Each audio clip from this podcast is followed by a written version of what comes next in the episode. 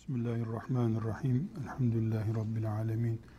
Ve sallallahu ve sellem ala seyyidina Muhammedin ve ala alihi ve sahbihi ecma'in. Ümmetimiz ilim ümmetidir dedik. Bu ilim ümmeti olmanın sonucu olarak, tabii sonucu olarak da alimlerin İslam'ın uygulandığı bir devlette, yörede Peygamber aleyhisselamı temsil eden makamın sahipleri olduğu için bir numara olduklarını söyledik. Ümmeti Muhammed'de alimler bir numaradırlar. Siyasetinde üstündedirler. Askeri düzeninde üstündedirler. Bu nedenle Kur'an-ı Kerim'in çizdiği çizgilerle de sabit bir şekilde cihat vazifesinden bile muaf tutulmaktadırlar. Çünkü ümmeti Muhammed'in cihat gücü alimlerin e, hazırlamasıyla, alimlerin organizesiyle gerçekleşebilecek bir e, hakikattır dedik.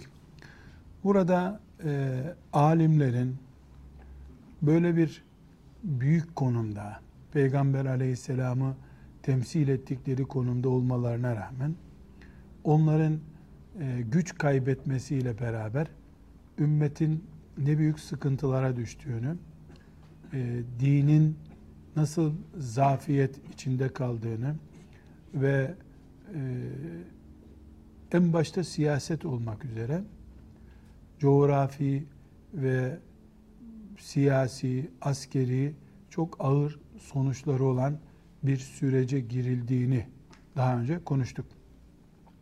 Şimdi e, bugün bir e, başlığı tahlil etmek istiyoruz. E, bu yıkılma demeyeyim de çökme sürecinde daha da iyi bir ifadeyle bu donuk süreçte yaşayan alimlerin fonksiyoner yetersizlikleri, ilmin ve alimliğin heybetini taşıyamamalarını bir kenara koyalım.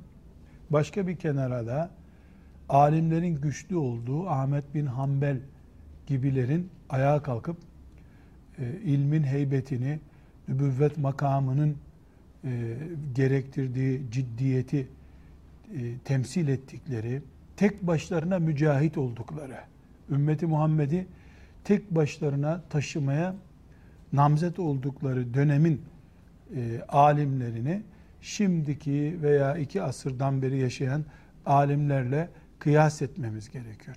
Bu kıyas neden gerekiyor? Çünkü ortada bir hakikat var. Bu hakikat nedir? İlim ümmetiyiz. Alimlerin önderliğinde yaşayan ümmetiz. Ee, Kur'an-ı Kerim'imiz açık bir şekilde alimleri öne çıkarıyor. Ne diyor? Ve izâ tenâzâ'tum fî şeyin bir şeyde tartıştığınız zaman ne yapacağız tartıştığımız zaman? Ferudduhu onu götürün. Nere? İlallahi Allah'a ve ve peygamberine. Bu kadar mı? Ve ulul emri minküm. Alimlerinize götürün. Güç sahibi otoriterlere götürün.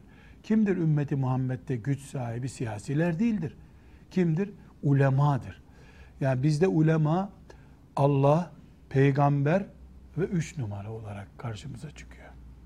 Dolayısıyla bu madem öyle bir hakikattir, e, şimdi bir tökezleme, gevşeme ve dağılma sürecine girdiyse ilim veya alimler bu kıyamete kadar böyle devam etmeyecek.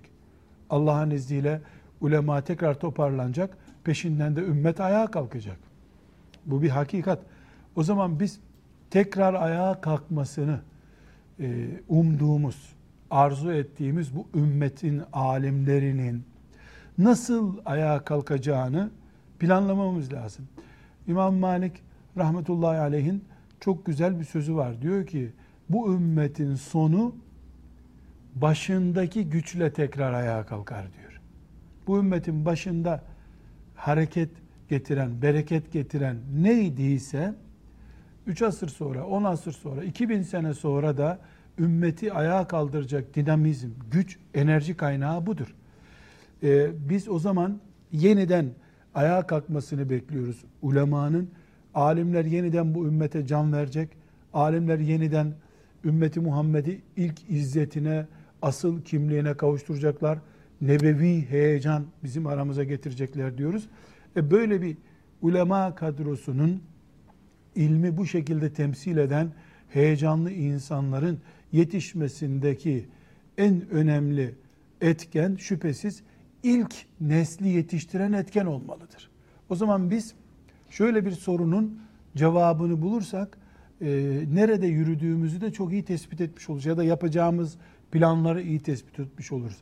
İlk ulema kadrosu Ahmet bin Hanbeller, Buhariler, Ebu Hanifeler, e, Muhammed bin İdrisler, Malik bin Enesler bu kadroyu ayakta tutan ruh ya da ulemayı peygamberden sonraki aleyhisselam en önemli kadronun isimleri olarak ayakta tutan e, güç nedir? Bunu tahlil etmemiz lazım. Şimdi burada kardeşler birinci e, cevabımız yani eski selef alimlerini diye selefimizi ümmetin ilk büyük kadrosunu o büyük mevkide tutan birinci e, faktör şüphesiz Allahu Teala'nın onları öyle olmaları en uygun zamanda yaratmasıdır. Şimdi buna biz şu şekilde isim verebiliriz. Pozisyon Ahmet bin Hanbel için uygun bir pozisyondu. Bukhari için uygun bir pozisyonda.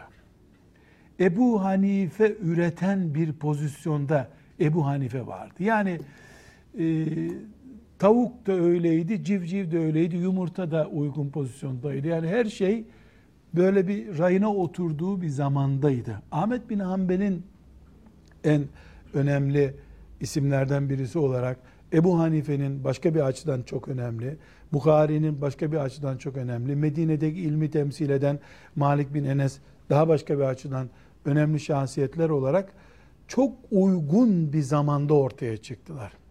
Şöyle diyebiliriz. Malik bin Enes Medine-i Münevvere'de soru sorulması bile ürkülen bir adamdı. Ben şunu yanlış yaptım. Nasıl düzelteceğim diye sormaya bile korkmuş insanlar.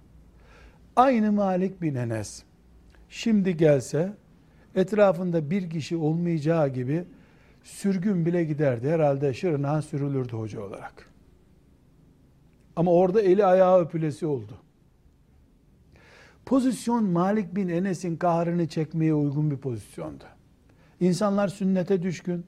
Peygamber aleyhisselamın sıcaklığı hala toprağın üzerindeki ayak izleri duruyor Peygamber aleyhisselamın. Onun sünnetini bilen Malik bin Enes dürtse de insanlar kaçmadılar. Pozisyon uygun bir pozisyondu. Müthiş bir fikir hürriyeti var Bağdat'ta. İnsanlar Allah'ın vahdaniyeti dışındaki her şeyde tartışma açabiliyorlar. Kimse müdahale etmiyor. Abbasiler bir medeniyet kurmuşlar. Bu medeniyette ne bugün ne de 100 sene sonra insanlığın yetişemeyeceği büyük bir fikir düzeyi var. Serbest. Yeter ki Allahu Teala'ya hakaretin olmasın. İmanın temelleriyle uğraşma. Konuş konuşabildiğin kadar. İçtihada çok uygun bir ortam. Ebu Hanife böyle bir ortamda geldiği için Ebu Hanifelik bir koltuk buldu oturdu oraya. Şimdi aynı Ebu Hanife gelse talebeleri önce linç ederlerdi Ebu Hanife'yi. Konuşturmazlardı aşırı gidiyorsun diye. Böyle bir fikir ortamı Ebu Hanife'yi üretti. Öyle bir sünnet düşkünlüğü Malik bin Enes'i üretti. Her halükarda bulundukları konum Ebu Hanife olmalarına, Buhari olmalarına uygun bir konumdu. Ancak burada bir parantez açıp e, özellikle e, bu parantezin e, önemli bir şekilde e, not tutulmasını istiyorum zihnimizde. O da şudur. Yani Buhari Buhari olurken şimdi biz onun zemini uygundu diyoruz. Malik bin Enes Malik bin Enes olurken Ebu Hanife Ebu Hanife olurken Ahmet bin Hanbel Ahmet bin Hanbel olurken Muhammed bin İdris Eşşafii rahmetullahi aleyhim cemiyan o konuma gelirken herhangi bir bedel ödenmeden tayinleri çıkmış otomatik tayinlerinin peşinden gittiler şeklinde değil bu dediğim. Biz 12 asır sonra geliyoruz. Ebu Hanife'nin koltuğu hazırmış diye kuş bakışı gördüğümüz için söylüyoruz. Ebu Hanife zindanda kırbaçlanarak ölme pahasına Ebu Hanife oldu. O zaman bir bedel ödendi. Şimdi bizim şartlarımıza göre baktığımızda kuş bakışı izleme. Ta uzaya kadar yükseldik. Bağdat'taki bir olayı uzaydan izliyoruz. Küçük karıncalar şeklinde görülüyor olaylar. Ama o zaman sürgün değil, zindan cezası, kırbaçlanma cezasına razı oldu. Buhari gibi bir adam şimdi ümmeti Muhammed'in göz bebeği. Yani yok neredeyse e, ne Ebu Hanife'si ne belki de yani Allah'tan korkmasa muhaddisler ashab-ı kiramdan daha değerli diyecekleri Muhammed bin İsmail el-Bukhari için. Öyle gerçekten de o konumda birisi rahmetullahi aleyh. Ama Buhara'ya yıllarca girmesi yasak bir adam bu. Çok ağır bedeller ödediler. Bağdat'a geldi, Bağdat'ta dışlandı. Ya gittiği yerlerde böyle o törenlerle, bandolarla karşılanan adamlar değil bunlar. Yani İmam Malik rahmetullahi aleyh kırbaçlanmış birisi. Medine gibi bir yerde kırbaç yemiş. Ahmet bin Hanbel'in başına gelenleri biliyoruz. İmam Şafii ölüm kararından kıl payı döndü. Şu şekilde medresesinde oturmuş, kütüphanesi alt katta, üst katta da yatıyor. Talebeleri de yan tarafta ders yapıyor. Bu şekilde bir alim yok ortada. Çok ağır bedeller, hayatlarına denk bedeller ödediler. Zindan kendi yatak odaları kadar onlara yakın oldu. Ama biz şimdi bakıyoruz ki meğer ki o zindanlar, meğer ki o kırbaçlar, imam olmanın tuzu biberiymiş. İmam Malik eğer 14 asır sonrasına taşınmış bir isimse, hala hala Ebu Hanife'nin rakibi yoksa, hala Ahmet bin Hanbel fedakarlığın Allah için, sünnet için fedakarlığın bir numarasıysa, Muhammed bin İsmail ve kitabı ümmeti Muhammed'in beyni durumundaysa eğer, gerekli bedeller zamanında ödendiği içindir bu. Onlar tuz biber gibi karşıladılar. Eğer e, Ebu Hanife peki efendim tabi uygundur deyip sürgüne razı olmasaydı o zaman İmam-ı Azam olarak kalmayacaktı. Bağdat'ta yaşamış bir hoca olarak kalacaktı. Nitekim Ebu Hanife'nin döneminde 100 tane, 200 tane değil Ebu Hanife gibi adamlar. Yüzlerce Ebu Hanife düzeyinde müştehit var. Çoğunun ismi de yok piyasada. Bir kısmının ismi var, bir kelimelik bir kitapta bir not olarak kalmış. İşte üç asır sonra bir talebe hocasından duymuş. Ebu Hanife'nin zamanında şöyle biri vardı. Böyle unutulmuş gitmiş. Niye? Bedel ödeyenler. Allah'ın onlara takdir ettiği imtihanlara boyun gelenler, razı olanlar. Zindanları yatak odası kabul edenler. Zor şartlarda, sıkıntılı günlerde talebeleriyle beraber eziyete tahammül edenler. Medine-i Münevvere gibi bir yerde kırbaçlanmaya Medine valisinin Medine sokaklarında kırbaçlamasına ses çıkarmayanlar Allah'tan değil ahirette dünyada bile böyle büyük bir ödül almışlar. Yani ümmeti Muhammed'in ilk alimleri diplomalarıyla Arabistan'dan mezun olup İstanbul'a gelmiş, diplomasını, forsunu kullanmış bir alimler değiller. Satır satır bedel ödemişler. Harf harf bedellerini ödemişler. Bu bedel onlara taviz verme düzeyinde bir sıkıntı da vermemiş. Allah'tan geldi. ilim uğruna, din uğruna razıyız deyip gerçekten bu rızalarını samimi bir şekilde ispat edince Allah da onların e, ilimleri üzerinde bereket kaydetti. Şimdi mesela e, başka alimlerden örnek vermek istiyorum. Hep Ebu Hanife örnek veriyoruz. İbn Hazm diye birisi var. Avrupa kökenli, Endülüs kökenli. Ee, benim dışarıdan izlediğim kadarıyla söylüyorum. Dışarıdan izlediğim kadarıyla söylüyorum. Yani bir, takdir edecek kimliğim olmadığını biliyorum ama böyle bir film izler gibi izliyorum. 2, 3, 4, 5 Ebu Hanife eder. İlim olarak. Kafa olarak. Müthiş kafalı bir adam. Böyle Yani parmaklarının ucuna elektrot kabloları falan bağlansa zeka fışkırırlardı böyle yani. Beyni zaten zeka dolu da parmağından da zeka akıyordur yani. Öyle bir adam yok. Eserlerine bakıyorsun müthiş. Kafalı bir adam. E, bütün dünyada 100 tane bağlısı olmamış hiçbir asırda. Ebu Hanife'nin rahmetullahi aleyh bir tane eseri yok ortada. Bazı eserler Ebu Hanife'ye isnat edilirler. Ebu Hanife işte yazdı bunu denir. Böyle bir belgesi Ebu Hanife'nin rahmetullahi aleyh eser yazdığına dair bir belge yok. Fıkhul Ekber diye El Fıkhul Ekber diye bir kitap ona mal edilir. Çok büyük ihtimalle talebelerinin onlardan tuttuğu, ondan tuttuğu notlardan oluşuyor. Kendisi kitap yazmamış. Öbür taraftan İbni Hazm'ın kitaplarına bakıyorsun. Bir kütüphane onun yazdığı kitaplardan oluşuyor. Ve de yani çok güzel eserler. Kim parazit çıkaracaksa, Ebu Hanife ile, ümmeti Muhammed'le, e, ashab-ı kiramla uğraşacaksa İbn Hazm'den bir parazit malzemesi toplar. İbn Hazm'in mezhebi o işe yarıyor. Zahiri mezhebi diye mezhebin iki numaralı adamı. E, ama böyle bir takva için, bir ilim için, bir fıkıh meselesi için onun peşinden giden yok. İşte mesela filan, filan konuda taviz arıyorsa İbn Hazm'in aslında takva adam İbn Hazm ama ortaya koyduğu görüşler yani parazit görüşler olduğu için her asırda fitnecilerin işine yarıyor. Taviz vermek isteyen, abdestini bozulduğu halde namaz kılmak isteyen onun işinde. Mesela işte e, kadın erkek ilişkilerinde şöyle çağa uygun tavizli bir şey istiyorsan İbn Hazm'i bir karıştır sana muhakkak bir modern önlük çıkar bir yerden giyersin. Yani hikmete bakıyoruz. Zeka var, e, her şey var ama e, İbn Hazım kütüphane talebesi. Kütüphanede yetişmiş. O yetişmesi de hikmet ilahi uzun yaşlarda olmuş. Yani çocukken de başlamamış. Çok zeki adam olduğu için 30 yaşında başladığı ilimde 50 yaşında dev bir seviyeye gelmiş. Ebu Hanifeler onlar 7-8 yaşında Kur'an'ı ve tefsiri bilmiş insanlar olarak yani onlar çekirdekten yetişmeler. Bunu şunun için söylüyorum. Yani herkese Allah aynı bereketi vermemiş. Bu böyle çok bilmek, çok okumak, çok talebe sahibi olmakla ilgili değil. Yani çok talebesi olduğundan değil. Mesela İmam Ahmet bin Hanbel de rahmetullahi aleyh böyle yüzlerce talebe, fıkıh talebesi yetiştirmemiş.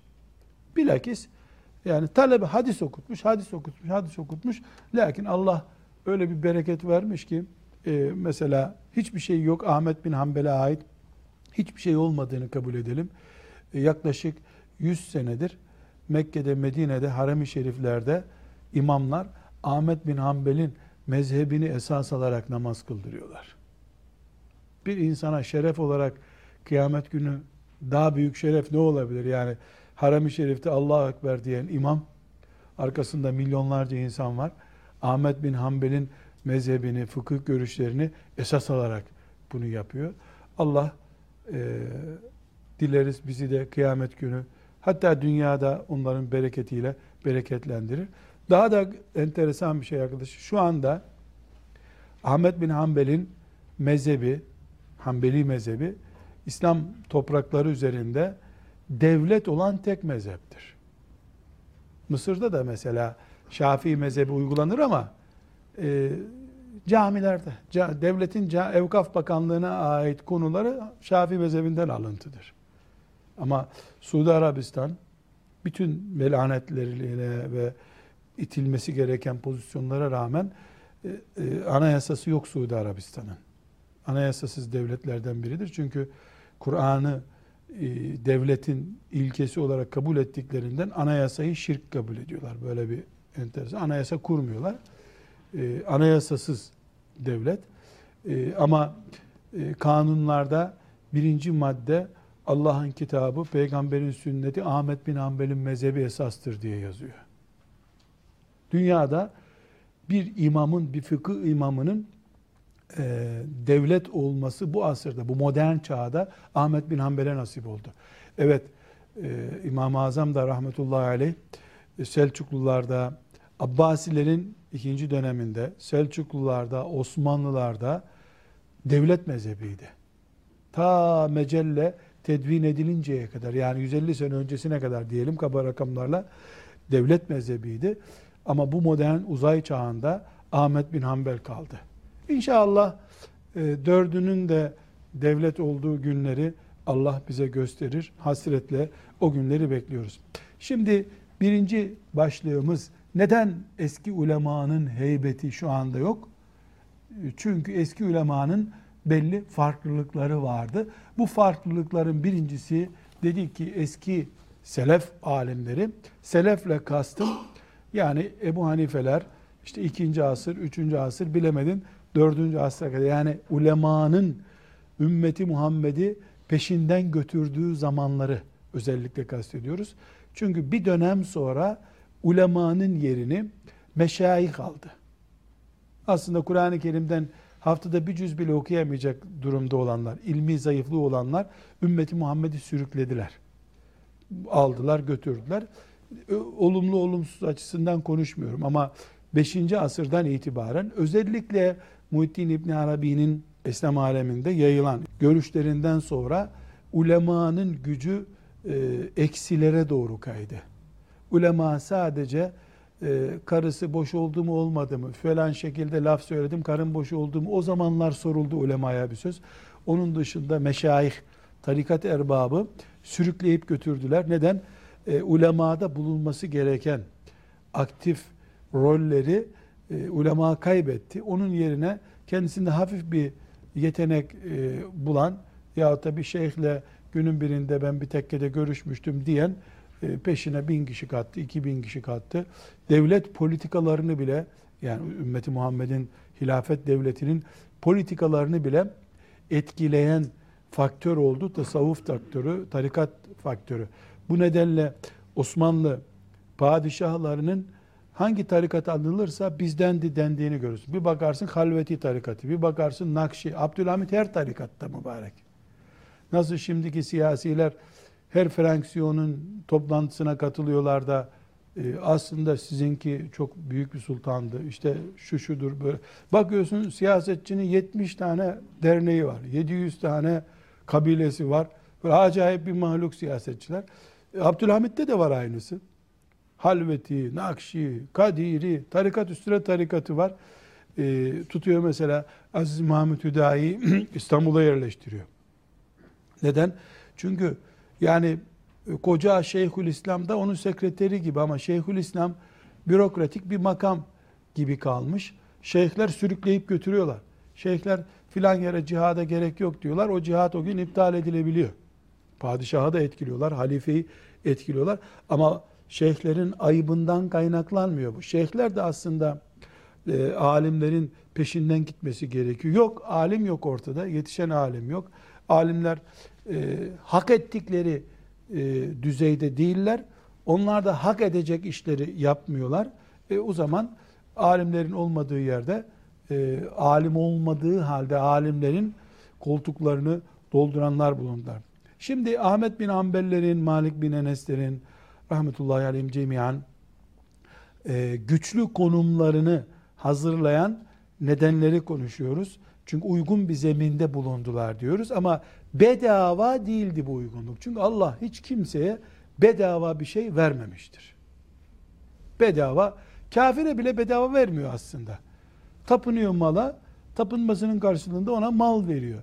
Mümin de bedava hiçbir şeyi alamaz. Allah Teala'dan bir bedeli var bunun.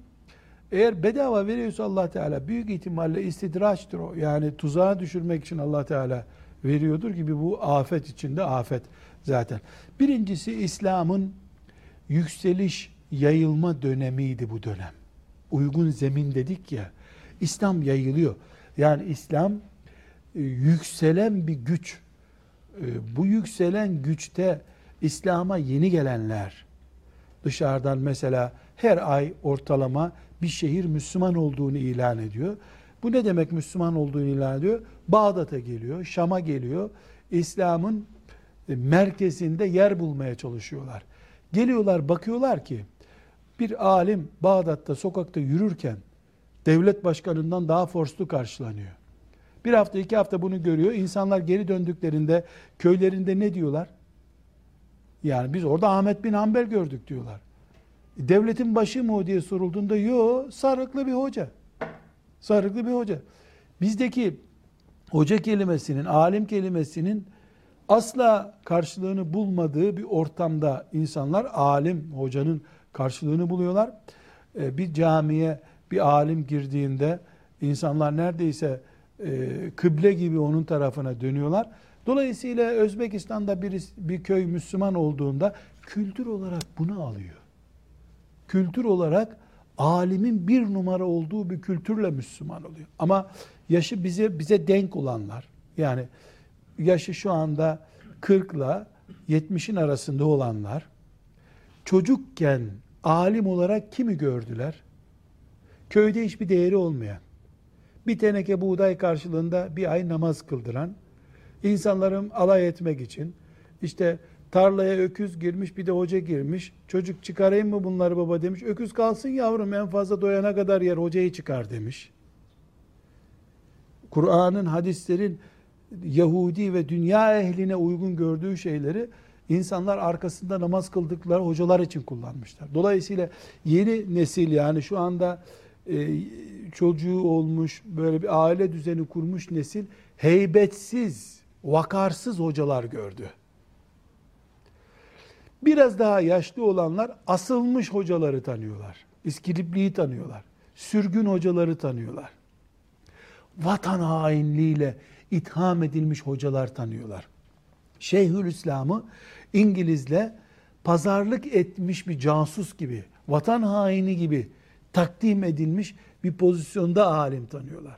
Böyle yetişmiş bir nesil düşün.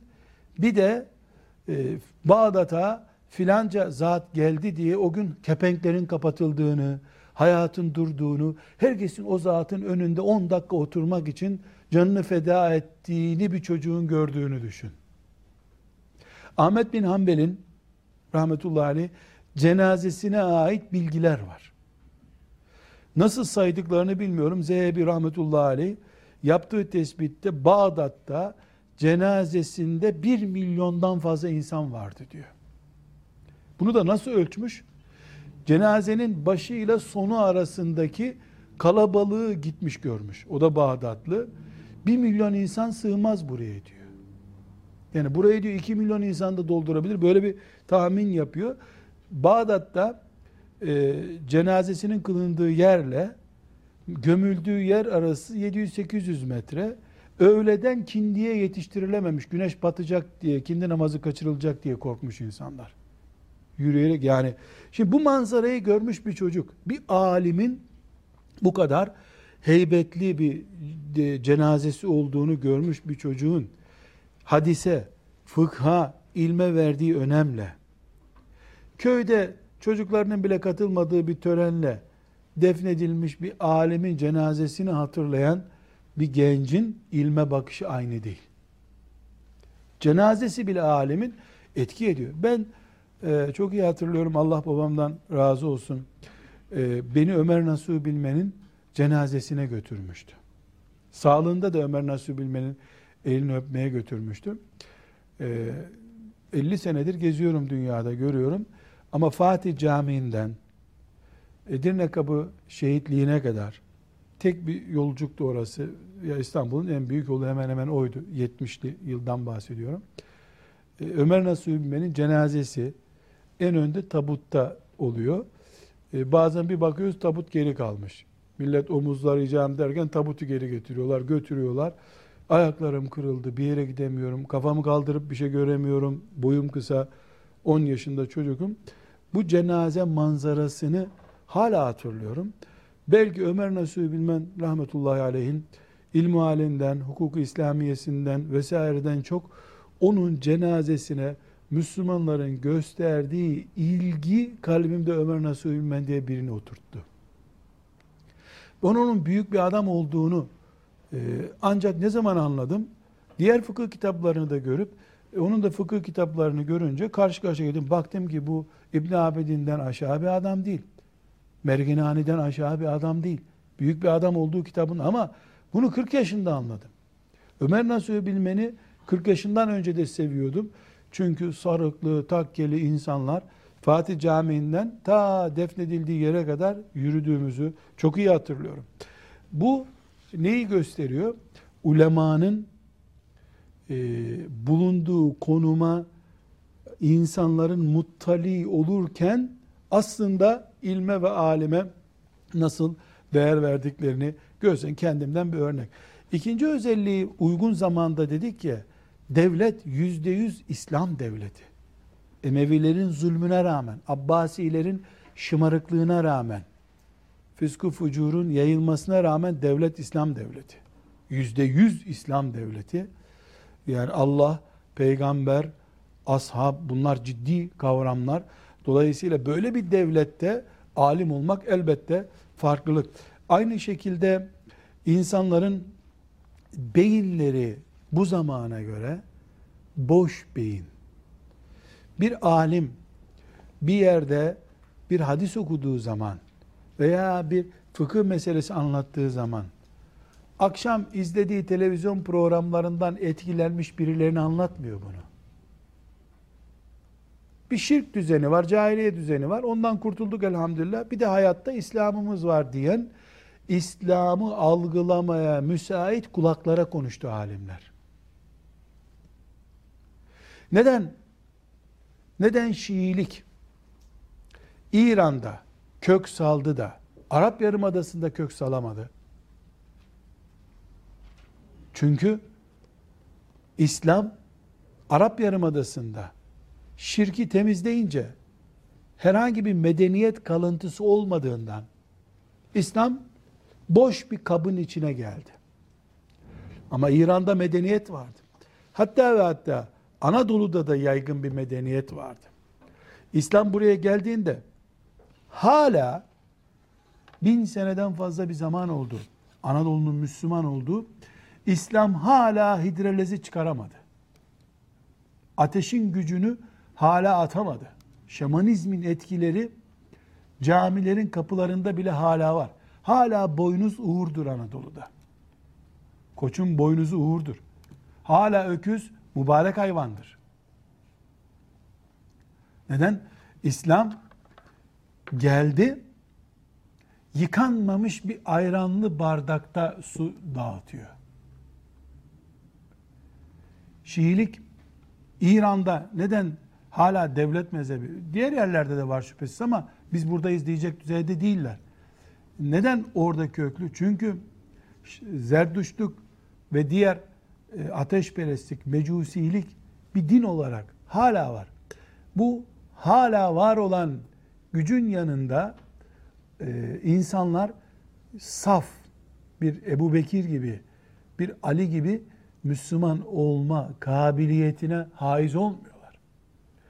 Bunun için şimdi Bukhari'yi baştan sona okumanın etkisi Bağdat'ta bu tip fonksiyonlardan uzak saf bir Müslümana, yeni Müslüman olmuş birisine Bukhari'den bir fasıl okumak kadar müessir değildir. Bunu biz İslam'ı çok iyi noktalarda görmek isteyen, kendimizi İslam'a feda ettiğimizi söyleyen insanlar olarak kendimize test edelim. Riyazu Salihini en uygun vaktimizde, en hafif hadis kitabı olarak Riyazu Salihini en uygun vaktimiz ne zamandır? Mesela sabahları çok temiz oluyor kafamız. Yani uyuduk, kalktık, temiz, yorgun değiliz. Bir ay test edelim. Riyazu Salihini baştan sona okuyalım. Veya en ağır fıkıh kitabını. Veyahut da e, Bukhari, Müslim'i baştan sona okuyalım. Bak bakalım bir hadis okuyup o hadisten etkilenerek cihada giden Bağdatlı bir Müslüman kadar etkileniyor muyuz? Etkilenmiyoruz. Niye etkilenmiyoruz? Neden etkilenmediğimizin örneği şu. Şimdi grip olana ne diyorlar? Mandalina çok iyi gelir. C vitamini, C vitamini. Kardeşim C kaç harften bir harf? 28 harften bir harf. E, geride 28 harf daha var. Yani e, senin vücudun A, B, D, E, F, G, H, I, J, K ne kadar hereceli harflerden ne kadar vitamin çeşidi varsa dolmuş vücuduna grip olmuş yatağa yatırmış seni. Seni mandalinadan bir tanker su sıksak, içine açsak, burnunu ağzını da kapatsak, bir ay orada dursan sana C vitamini yapacağı bir şey yok ki. Neden? Ya o vitaminin dışındakiler beynini işgal etmiş. Ne zaman C vitamini yararlı? Daha grip olmadan. A, B, D, E, C hepsi dengedeyken sabahleyin kalkar aç karnına iki mandalina yersin. İşte bu grip aşısından daha güçlü olur senin için o zaman. Çünkü C vitamini senin bünyende gidecek bir yer bulacak. Ama şimdiki pozisyonda sen grip olmuşsun. Senin vücudun çökmüş. O çökmüş mekanizmayı sen e, yani dediğim gibi mandalina suyu, portakal suyundan bir deniz yapısı içine atılsan sana yapacağı bir faydası yok. Sana kortizonlu, merzifonlu iğneler basılması lazım o zaman. Ancak sen öyle zehirli şeylerle ayağa kalkabilirsin. Aynı şey bu C vitamini örneğin özellikle verdim. Hepimiz için geçerli bir asırdayız.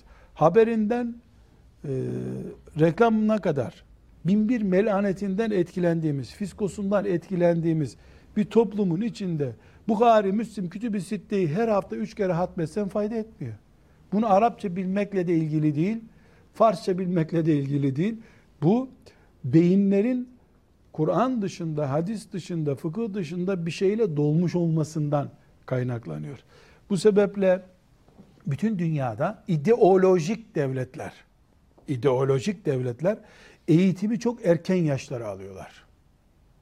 5 yaşında anaokulunu mecbur ediyor. İdeoloji devleti çünkü beyinleri önce kendi mekanizmasıyla işgal etmesi gerekiyor.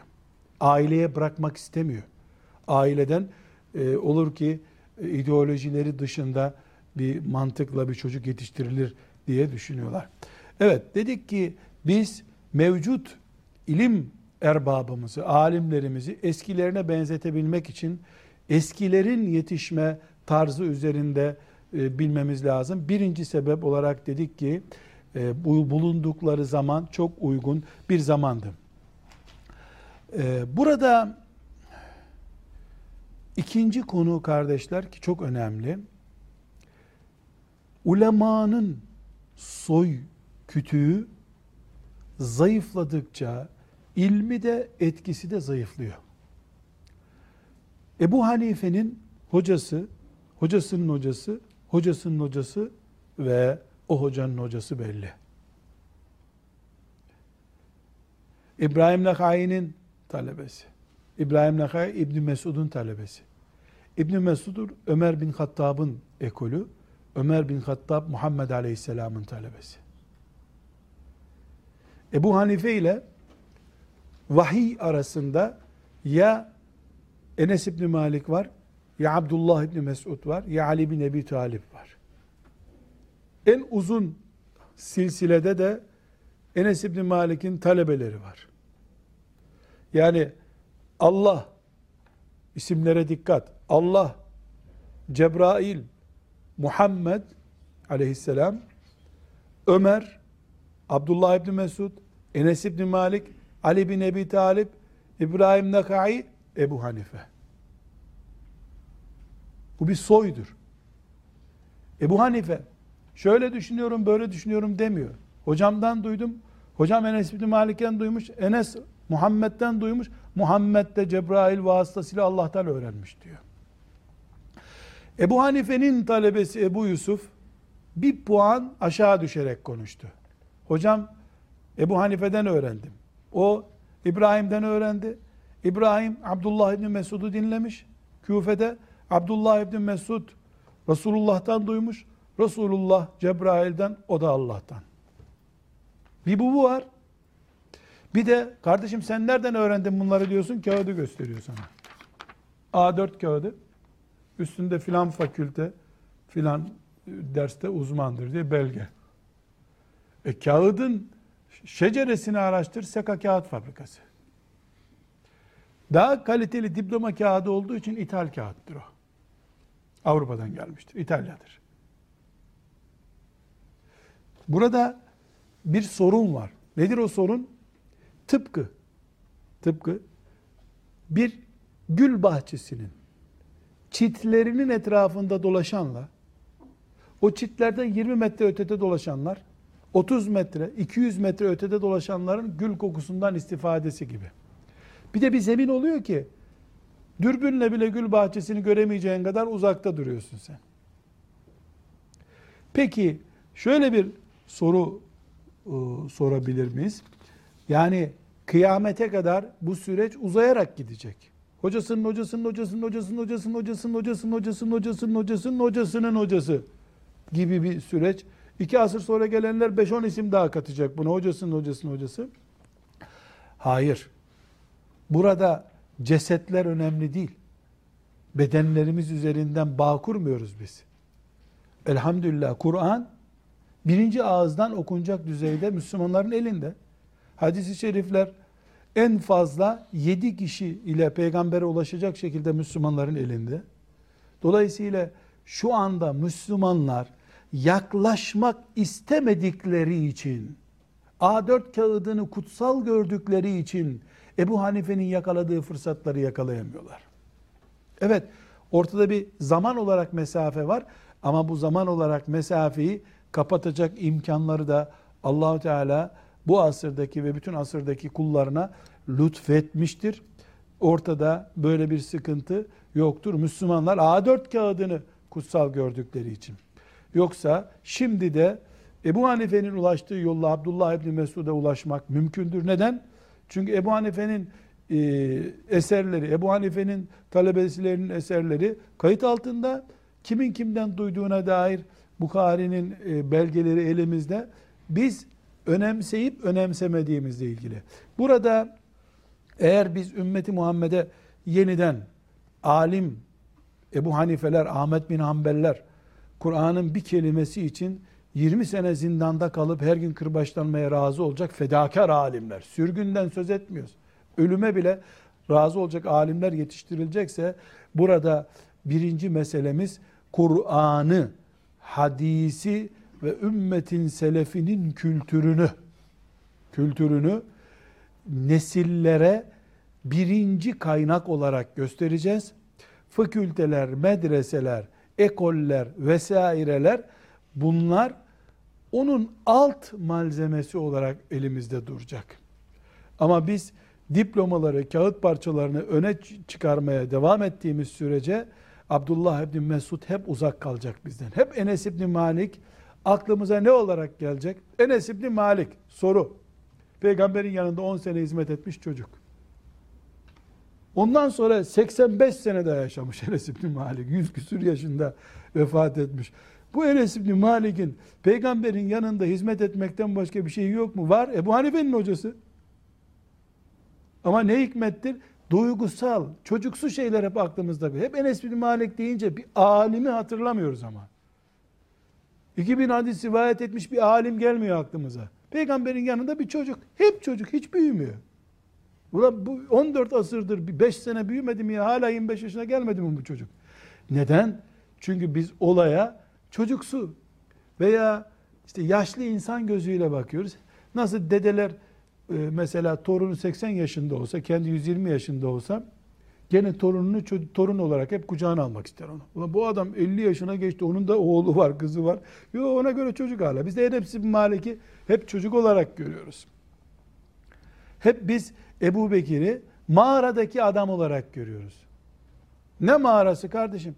Kur'an'ı cem edip kıyamete kadar elimizde bir Kur'an varsa, İncil gibi bir akıbete uğramadıysa Kur'an, bu Ebu Bekir'in sayesindedir. Ne mağarası ne vadisi, bana ne mağaradan, bana ne hicretten ya. Hicret onun özel hatırası. Mağara onun özel hatırası. Tamam mübarek, e, yani gerçekten duygusal bir şey ama benim Ebu Bekir'im bana Kur'an'ı ulaştıran adamdır. Bu nedenle e, alimlere bakışımız alimlerin şeceresiyle ilgili olmalı. Yani bir alimin ilim soyu onun anasının babasının e, soyu kadar değerli olmalı en azından. Üçüncü özellik eski alimlerle yeni alimler arasındaki farkı şey. Kardeşler eski alimlerin tamamının temel karakteri zamana adeta tapınıyor olmalarıdır. Adeta diyorum tabi. Zaman onların gözünde din, cennet, cehennem her şey demek. Dakikaları kıymetli, saniyeleri kıymetli. Bu ümmet kardeşler ekmek yemeyen, hayatını çorba içerek geçiren bir ümmet olan alimlerin peşinden gitmiş. İbn Recep'i talebeleri anlatıyorlar. Hayatında ekmek yememiş adam. Ekmek yemekle onun yerine çorba içmek arasında zaman farkı tespit etmiş. Ekmeği 7-8 defa çiğniyorsun, zaman israfı oluyor düşünmüş. Böyle bir nesil hiç bir arkadaşının düğününe gitmek için 3 saat vakit ayırır mı? Böyle bir nesil hiç bugün tatil dedi akşama kadar uyutabilir misin sen bu adamı? Zamanları çok değerli. Onlar değerli tuttukça Allah zamanlarına bereket vermiş. Sonraki nesiller zamanı değersiz tutunca Allah da bereketini almış. Onun için biz bilgisayara rağmen bir kitabı 3 senede bitiriyoruz. Onlar da bir öğle namazından kindi namazına kadar bir kitap okumuşlar. Suyuti'nin hayatını konuşurken hatırlıyorsanız konuşmuştuk. Yani günü bölmüş. Sabah namazından önce, sabah namazından sonra, öğle namazından önce, öğle namazından sonra, kindiden önce, kindiden sonra, akşamdan önce, akşamdan sonra, yastan önce, yastan sonra diye. Çünkü dijital saatleri de bozuk herhalde. Tamirciye de götürememiş vakti olmadığından. Zaman olarak bir namazı biliyor.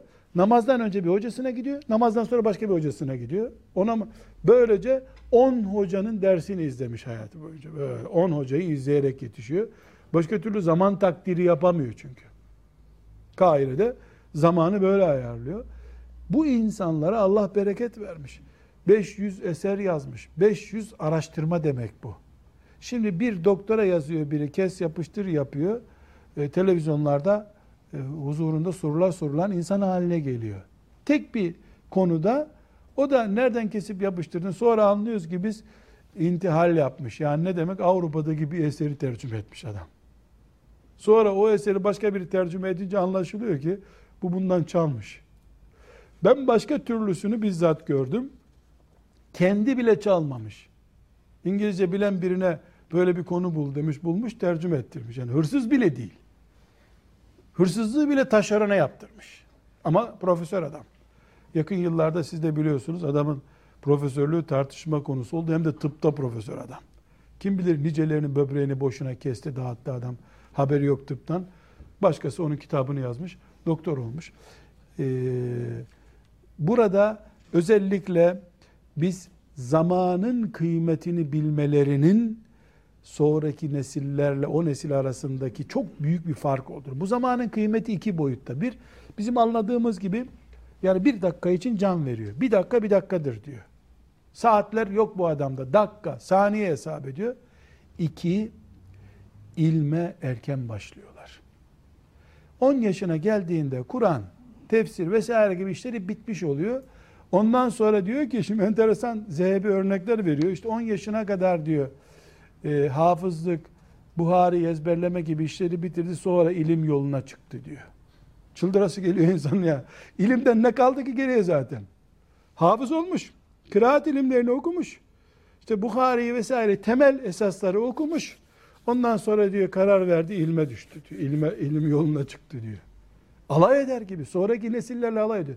Yani zamanı adeta annelerinin karnında okumaya başlamışlar. Erken başlamışlar. Vaktinde başlamışlar. Bu çok önemli. Bu zamanla ilgili konuyla ilgili önümüzdeki derslerde örnekler vereceğiz. Nasıl kullanmışlar bu zamanı? Yani yapabilir miyiz bilmiyorum ama onların örneklerini göreceğiz. Burada arkadaşlar dördüncü konu çok önemli bir konu daha. Rızık kaynaklarında şüphe yok. Haram girmemiş midelerine. Haramın girdiği bir mideden Allah bereketi ve zekayı alıyor. Bu haram rahmine düştüğü annenin yediği rızıktaki haramdan başlıyor tabi. Çocuktan önce anasının ne yediği önemli. Çünkü hadis-i şerif ne diyor? Haramın karıştığı bir et, çünkü yiyecek alıyorsun sen, o yiyecek sonra et oluyor senin midende. Haramın karıştığı bir et, ateşin paklayacağı bir ettir diyor. Ve Peygamber aleyhisselamın ateşe, cehenneme uygun gördüğü bir etten ne Bukhari çıkar, ne e, Nesai çıkar. Hiçbir şey çıkmaz. Helalle büyütülmüşler. Ana rahmine düşmeden onlar için tedbirler almış anaları babaları. Neden tedbir almışlar? Asitli içecek sorunu yok. Tek sorun domuz eti yemeyecek. Bir de çalmayacak. Başka bir sorun yok ki ortada. Her şey helal, berrak zaten. Ama öyle bir asra gelinmiş ki haram düğünde başlıyor. Düğünde haramlarla haşır neşir olan bir anne babanın çocuğu olarak doğuyor. Toplumun Müslüman olması ile ilgili önemli bir sorun bu. Şimdi ben bir örnek vermek istiyorum. Ebu Hanife'nin talebeleri rahmetullahi aleyh bir tavuğun buraya çok dikkat edelim arkadaşlar. Bir tavuğun helal bir şekilde yenebilmesi için eğer kümeste besleniyorsa kesilip hemen yenir diyor. Tavuk dışarıda dolaşıyorsa, gübrelikler, pislikler dolaşıyorsa 3 gün hapsedilecek, 3 gün sonra kesilip yenecek diyor. Çünkü o solucan molucan yiyordur, gübreliği karıştırıyordur, midesine pislik geçiyordur. Bu söz söyleneli 1200 sene olmuş arkadaşlar. Neden? Çünkü solucan, gübrede pislikler var. Tavuğu e, alıp kestiğin zaman o an kanına karışmış. Dolayısıyla kanına karışmış pozisyondaki bir e, şüpheli şeyi yemiş oluyorsun sen diye tereddütleri var adamcağızların. Üç gün hapset bunu diyor. İnekte koyunda böyle bir sıkıntı yok çünkü koyun pislik yemiyor, inek pislik yemiyor. Şimdi de büyük mezbahaneler ya da büyük tavuk firmaları tavuğu kesmeden 72 saat önce karantinaya alıyorlar. Ama helal haramlıktan değil. Verdikleri yem kanalizasyon yemi olduğu için mezbahanelerin kanalizasyon yemini verdikleri için o yem yapılıyor. Onu tavuklara veriyorlar. Ee, tavuk satılan tavukçu dükkanı leş gibi koktuğundan müşteri almıyor onu. Bunun için 72 saat önce tavuğu karantinaya alıyorlar. Yem vermiyorlar. Tavuk ondan sonra kesimhaneye gidiyor. Teknoloji şimdi bunu bu hale getirmiş.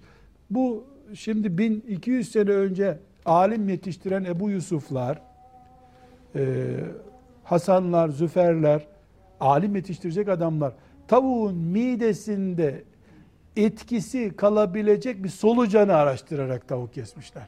Şimdi çocuk tavuk sosu yiyor, besmele sorunu var. Gıda sorunu var, kesim sorunu var. Tavuk nükleer bomba gibi bir şey zaten. Yedin mi hastalık sorunu var. Şimdi tavuk yiyip yetişen çocuğu düşün. Onun hafız olacağını, alim olacağını düşün. Bir de ümmeti Muhammed'in Ebu Yusuf'un yönetiminde, İmam Züfer'in yönetiminde olduğu dönemin Müslümanını düşün. Kıyas olsun diye sadece böyle zikretmiş olalım. Ve beşinci fark kardeşler. Beşinci fark. Ebu Yusuf döneminde yetişen talebeyle şimdi yetişen alim adayları arasındaki belki de en büyük fark hedef farkıdır. Yani Ebu Yusuf'un önüne diz çökenler veya İmam-ı Azam'ın önünde diz çökenler işsiz kalmasın diye okutulmuş olabilirler mi? Şimdi düşünüyorsun en büyük ve yegane hedef işsiz kalmak veya işli olmak. Hedefi köy camisine imam olmak olan birisinin ilme adanmışlığıyla Resulullah'ın vekili olmaktan başka bir hedefi olmayan birisinin ilme adanmışlığı arasında çok fark var. Bu nedenle annelerin, babaların, muallimlerin, mürşitlerin, kamp hocalarının küçük hedefli olmaları, basit hedefli olmaları bir tür cinayettir. İnşallah önümüzdeki derslerimizde ulemanın, asıl kastettiğimiz ulemanın hayatlarından bize ibret olacak 5-10 örnek zikredeceğiz. Allah istifade etmemizi de nasip eder diye umuyoruz. Velhamdülillahi Rabbil Alemin.